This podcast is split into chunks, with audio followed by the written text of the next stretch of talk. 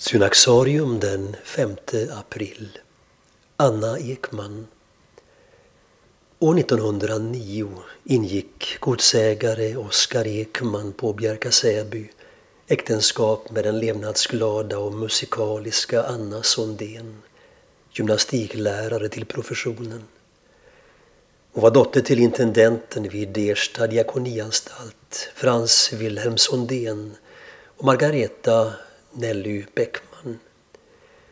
Vigseln förrättades av Ernst Lönegren som stod familjen nära och som året därpå blev biskop i Härnösands stift.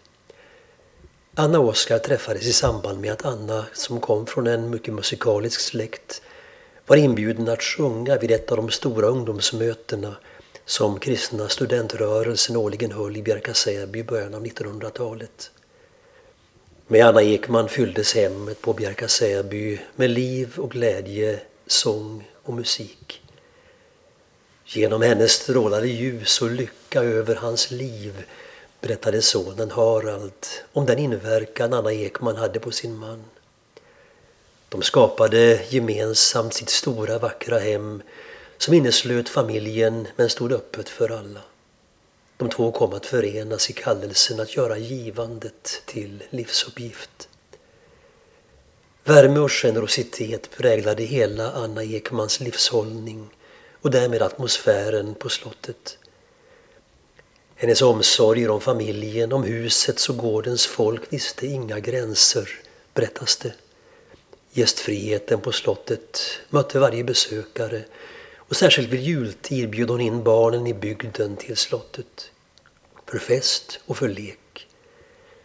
När biskopen i Linköping, Tor André, vid ett tillfälle besökte Bjärka Säby tillsammans med författaren och akademiledamoten Albert Engström för att äta lunch med familjen berättade biskopen senare att Engström sagt till honom det rådde en ädel atmosfär på Bjärka-Säby. Janne I Anna och Oskar Ekmans äktenskap föddes fem söner. Oskar 1912, Konrad 1914, Karl 1916, Harald 1918 och Gunnar 1920.